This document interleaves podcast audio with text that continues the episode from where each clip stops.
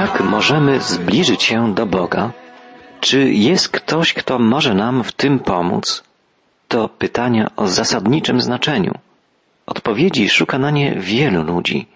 Autor listu do Hebrajczyków wskazuje nam Jezusa jako tego, który przybliża nas do Boga. Ukazuje nam Jezusa jako jedynego prawdziwego pośrednika pomiędzy Bogiem a człowiekiem.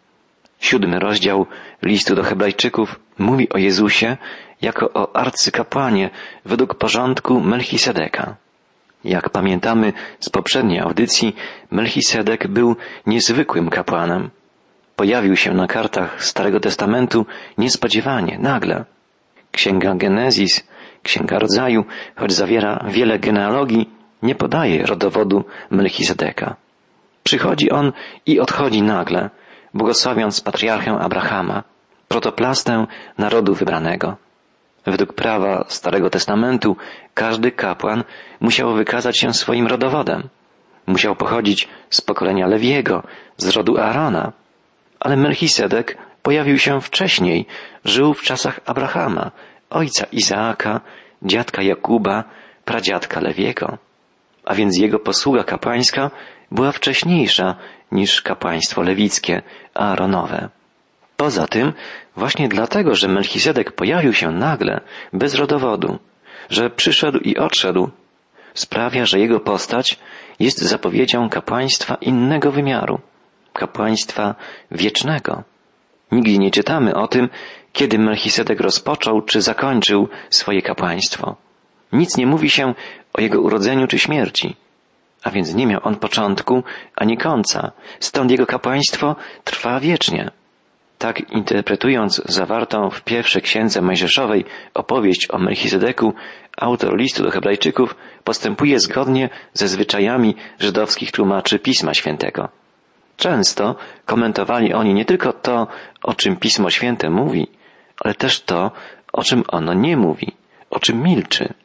Skoro księga Genezis, zawierająca wiele genealogii, nic nie mówi na temat rodowodu Melchizedeka, to to milczenie jest zastanawiające, pobudza do głębokiej refleksji.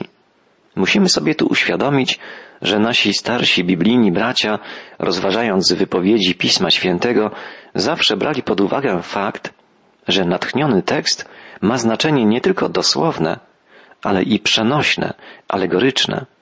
W zrozumieniu żydowskich uczonych każdy tekst Pisma Świętego posiada cztery znaczenia. Pierwszym z nich jest peszal, czyli dosłowne, aktualne znaczenie. Drugie to remas, prawdziwy sens tekstu, odkrywany przy długim, uważnym jego studiowaniu. Trzecie znaczenie to derusz, czyli znaczenie najbardziej prawdopodobne, sugerujące właściwą interpretację. I w końcu czwarte znaczenie, sod, wyraża alegoryczną albo ukrytą wewnętrzną treść. W ujęciu rabinów najważniejsze jest czwarte, wewnętrzne znaczenie tekstu biblijnego. Dlatego, pisząc do Izraelitów, autor listu do Hebrajczyków postępuje jak żydowski mądry, zdolny komentator, stosujący metody rabinicznej interpretacji. Jest to bardzo cenne, bo dzięki temu dowiadujemy się, jak autorzy Nowego Testamentu, pochodzenia żydowskiego, a przecież poza Łukaszem wszyscy autorzy Nowego Testamentu byli Izraelitami, jak rozumieli, cytowali i interpretowali teksty Starego Testamentu. Tak więc autor listu do Hebrajczyków podkreśla, że postać Melchizedeka była zapowiedzią nadejścia jedynego prawdziwego, wiecznego kapłana, Mesjasza, Chrystusa. Imię Melchizedek znaczy dosłownie król sprawiedliwości. Był on też, jak pamiętamy z poprzedniej audycji, królem Salemu, czyli królem pokoju. Wszystko to wskazuje na podobieństwo postaci Melchisedeka i Jezusa Chrystusa.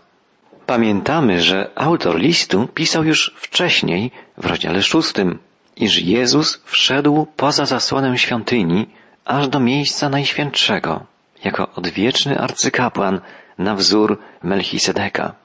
Teraz autor listu chce jeszcze wyraźniej i szerzej wyjaśnić, na czym polega kapłaństwo Chrystusowe. Kapłaństwo według porządku Melchisedeka i w czym ono przewyższa kapłaństwo lewickie, starotestamentowe.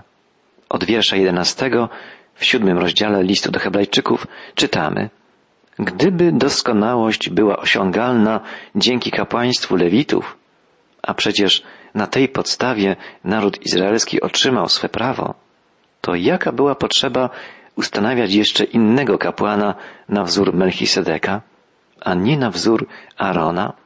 Autor listu podkreśla, że pojawienie się innego kapłana, Melchisedeka, dowodzi, iż kapłaństwo Aaronowe było niekompletne, nieskuteczne. Gdyby stare kapłaństwo wypełniało należycie rolę przybliżania ludzi do Boga, nie byłoby potrzeby wprowadzania innego, nowego kapłana. Posługa kapłańska według porządku Aaronowego nie prowadziła ludzi do osiągnięcia doskonałości, nie prowadziła do pełnej łączności z Bogiem, nie dawała pełnego, trwałego odkupienia, pojednania z Bogiem. Stale musiały być składane ofiary przebłagalne, zagrzeszne, całopalne, ale to i tak nie przynosiło pełnego oczyszczenia. To wszystko ukazywało potrzebę złożenia innej, doskonalszej ofiary, potrzebę innego typu kapłaństwa. Czytamy dalej. Skoro zatem kapłaństwo zostało zmienione, to i prawo musi ulec zmianie. Kapłaństwo Arona i jego potomków było całkowicie powiązane z przepisami prawa mojżeszowego. Skoro składanie przewidzianych przepisami prawa ofiar było nieskuteczne, i musi ulec zmianie, dotyczy to całego prawa. Jest to zapowiedź pojawienia się czegoś, a właściwie kogoś większego niż prawo. Chrystus jest większy niż prawo. Jest wypełnieniem prawa. Mówimy tu o Jezusie. Pochodził on z rodu, w którym nikt nie pełnił służby ołtarza. Wiadomo przecież, że nasz Pan pochodzi z rodu Judy, o którym Mojżesz nie wspominał mówiąc o służbie kapłańskiej. Wszystko to staje się jeszcze bardziej jasne, gdy pojawia się inny kapłan na podobieństwo Melchisedeka. Nie jest on kapłanem na podstawie przepisów prawa o cielesnym pochodzeniu, ale dzięki temu, że siła jego życia jest niezniszczalna. Kapłaństwo zostaje zmienione przez samego Boga, bo przecież Jezus, kapłan najwyższy, nie pochodził z plemienia Lewiego. Stary system kapłański został zastąpiony nowym. Nie wynika on już z przepisów prawa o cielesnym pochodzeniu. Nie opiera się na genealogiach, ale wynika z samej istoty tego, kim jest ów kapłan, kim jest Jezus Chrystus, Mesjasz, Zbawiciel. Czytamy, siła Jego życia jest niezniszczalna, co potwierdza Pismo, ty jesteś kapłanem na zawsze, na wzór Melchisedeka. Autor listu powołuje się na słowa psalmu 110. Stwierdza, to wszystko zapowiadało już od dawna pismo. Przecież zapowiadało ono nadejście innego kapłana, sprawującego służbę na wzór kapłaństwa Melchisedeka. W starym systemie kapłańskim kolejni kapłani umierali i byli zastępowani następnymi. Dlatego ich służba nie była trwała. Ale teraz pojawił się kapłan nieprzemijający, żyjący na wieki. Chrystus objął urząd arcykapłana po swym zmartwychwstaniu i w niebo wstąpieniu. Siła jego życia jest niezniszczalna. Jego służba arcykapłańska nigdy nie ustaje. Poprzednie przepisy tracą więc moc, bo ani nie były doskonałe, ani skuteczne. Prawo nikogo nie doprowadziło do doskonałości i musiało ustąpić miejsca tej nadziei, której moc zbliża nas do Boga. Prawo, w tym kapłaństwo Aaronowe, było nieskuteczne, podkreśla autor. Nie doprowadziło nikogo do doskonałości. Nie miało mocy zbliżenia nas do Boga. Okazało się nieskuteczne Dlatego musiało ustąpić miejsca nowemu porządkowi, nowej służbie Bożej, pełnej mocy, dzięki której możemy naprawdę przybliżyć się do Boga, naprawdę być oczyszczonymi, zbawionymi. Tę wspaniałą prawdę tak sformułował apostoł narodów, pisząc do Koryntian, odtąd, jeśli ktoś jest ukryty w Chrystusie, nowym jest stworzeniem. Stare przeminęło, oto wszystko stało się nowe. Dzięki odkupieńczej ofierze Jezusa Chrystusa, dzięki Jego zwycięstwu nad śmiercią, rozpoczęła się era nowego stworzenia. Wszyscy, którzy dzięki wierze w zbawienne dzieło Chrystusa łączą się z Nim, są w Nim ukryci, objęci są Jego posługą kapłańską. On oręduje za wierzącymi u boku Ojca. Przypomnijmy sobie słowa Jezusa wypowiedziane do uczniów. W domu Ojca mego wiele jest mieszkań. Idę przygotować wam miejsce. Gdy pójdę i przygotuję wam miejsce, przyjdę znowu i wezmę was do siebie, abyście gdzie ja jestem i wy byli. Jezus jest prawdziwym, skutecznym arcykapłanem. Otwiera nam jedyną drogę do Ojca. Złączeni poprzez wiarę z Chrystusem, zbliżamy się do Boga. Osiągnięty zostaje cel posługi kapłańskiej. Możemy krótko podsumować nasze dotychczasowe rozważania, dokonując porównania kapłaństwa według porządku Arona i kapłaństwa Chrystusowego, według porządku Melchisedeka. W przypadku starego kapłaństwa dominowały przepisy prawa. W nowym kapłaństwie objawia się prawdziwa, życiodajna moc. Stare kapłaństwo opierało się na przykazaniach pochodzących z zewnątrz. W nowym objawia się życie w samej swej istocie, jako wewnętrzna przemiana, jako całkowite odrodzenie. Stare kapłaństwo miało charakter tymczasowy, zmienny. Nowe jest wieczne, niezmienne, kompletne. Stare kapłaństwo było nieskuteczne. Nowe wprowadza nas w prawdziwą, głęboką więź z Bogiem. Ale to jeszcze nie koniec argumentacji autora listu do Hebrajczyków, argumentacji dowodzącej wyższości i unikalności kapłaństwa Jezusa Chrystusa. Dalej od dwudziestego wiersza w siódmym rozdziale listu czytamy Zostało to poręczone złożeniem przysięgi. Tamci kapłani otrzymywali tę godność bez przysięgi. Jezus zaś otrzymał ją na podstawie przysięgi złożonej przez samego Boga. Przysiągł Pan i to nieodwołalnie. Ty jesteś kapłanem na zawsze. Kapłaństwo według porządku Melchisedeka zostało potwierdzone Bożą przysięgą. Autor listu przytacza tu kolejny raz Psalm 110. Przysiągł Pan i nie pożałuje. Tyś kapłanem na wieki. Według porządku Melchisedeka czytamy w czwartym wierszu tego psalmu. Ta Boża przysięga to coś niezwykłego, wyjątkowego. Wśród ludzi przysięga jest czymś normalnym, dlatego że nasze słowa są często zawodne, niepewne. Właściwie jedynym uzasadnieniem składania przysięgi jest brak wiarygodności słów. Bóg zawsze wypowiada słowa prawdziwe, niezawodne. W jego przypadku złożenie przysięgi jest więc czymś zupełnie wyjątkowym. Kapłani Starego Przymierza otrzymywali tę godność bez przysięgi, przypomina autor listu. Natomiast Jezus otrzymał godność kapłańską na podstawie przysięgi złożonej przez samego Boga. Przysiągł Pan i to nieodwołalnie. Ty jesteś kapłanem na zawsze. Dotychczasowe kapłaństwo mogło przeminąć, ale kapłaństwo Jezusa nigdy nie przeminie, gdyż Bóg potwierdził je przysięgą na wieki. Czytamy, dzięki temu Jezus stał się poręczycielem przymierza. Te słowa, iż Jezus stał się poręczycielem lepszego przymierza, mają wielkie znaczenie. Przypomnijmy, że zadaniem kapłana jest otwarcie drzwi prowadzących do Boga. W tym celu Bóg zawierał przymierze ze swoim ludem. Przymierze w swej istocie polega na tym, że dwie strony zawierają ugodę, iż będą jednakowo wierne złożonemu przyrzeczeniu. Przymierze z góry Synaj pomiędzy Izraelem i Bogiem stwierdzało, że jeśli Izraelici będą wiernie przestrzegać Bożego prawa, zawsze będzie dla nich otwarta droga do przyjaźni i łączności z Bogiem.